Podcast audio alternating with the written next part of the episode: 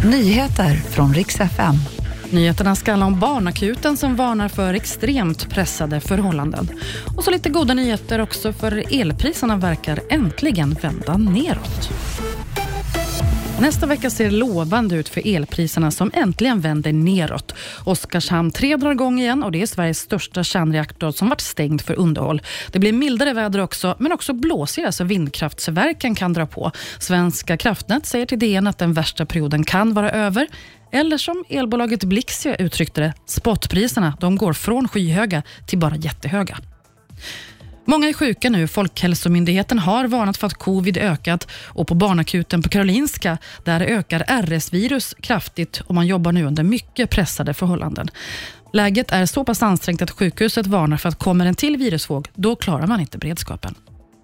Och reaktionerna mot Furuviksparken har inte varit nådiga efter de fem schimpanserna som rymde.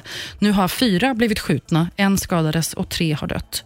Djurparken säger att det fanns inga alternativ att söva djuren, men både allmänheten och flera kända personer har gått ut och är starkt kritiska. Rent av raseri har väckts. Många kräver att parken helt stängs ner. Det var nyheterna. Jag heter Maria Granström.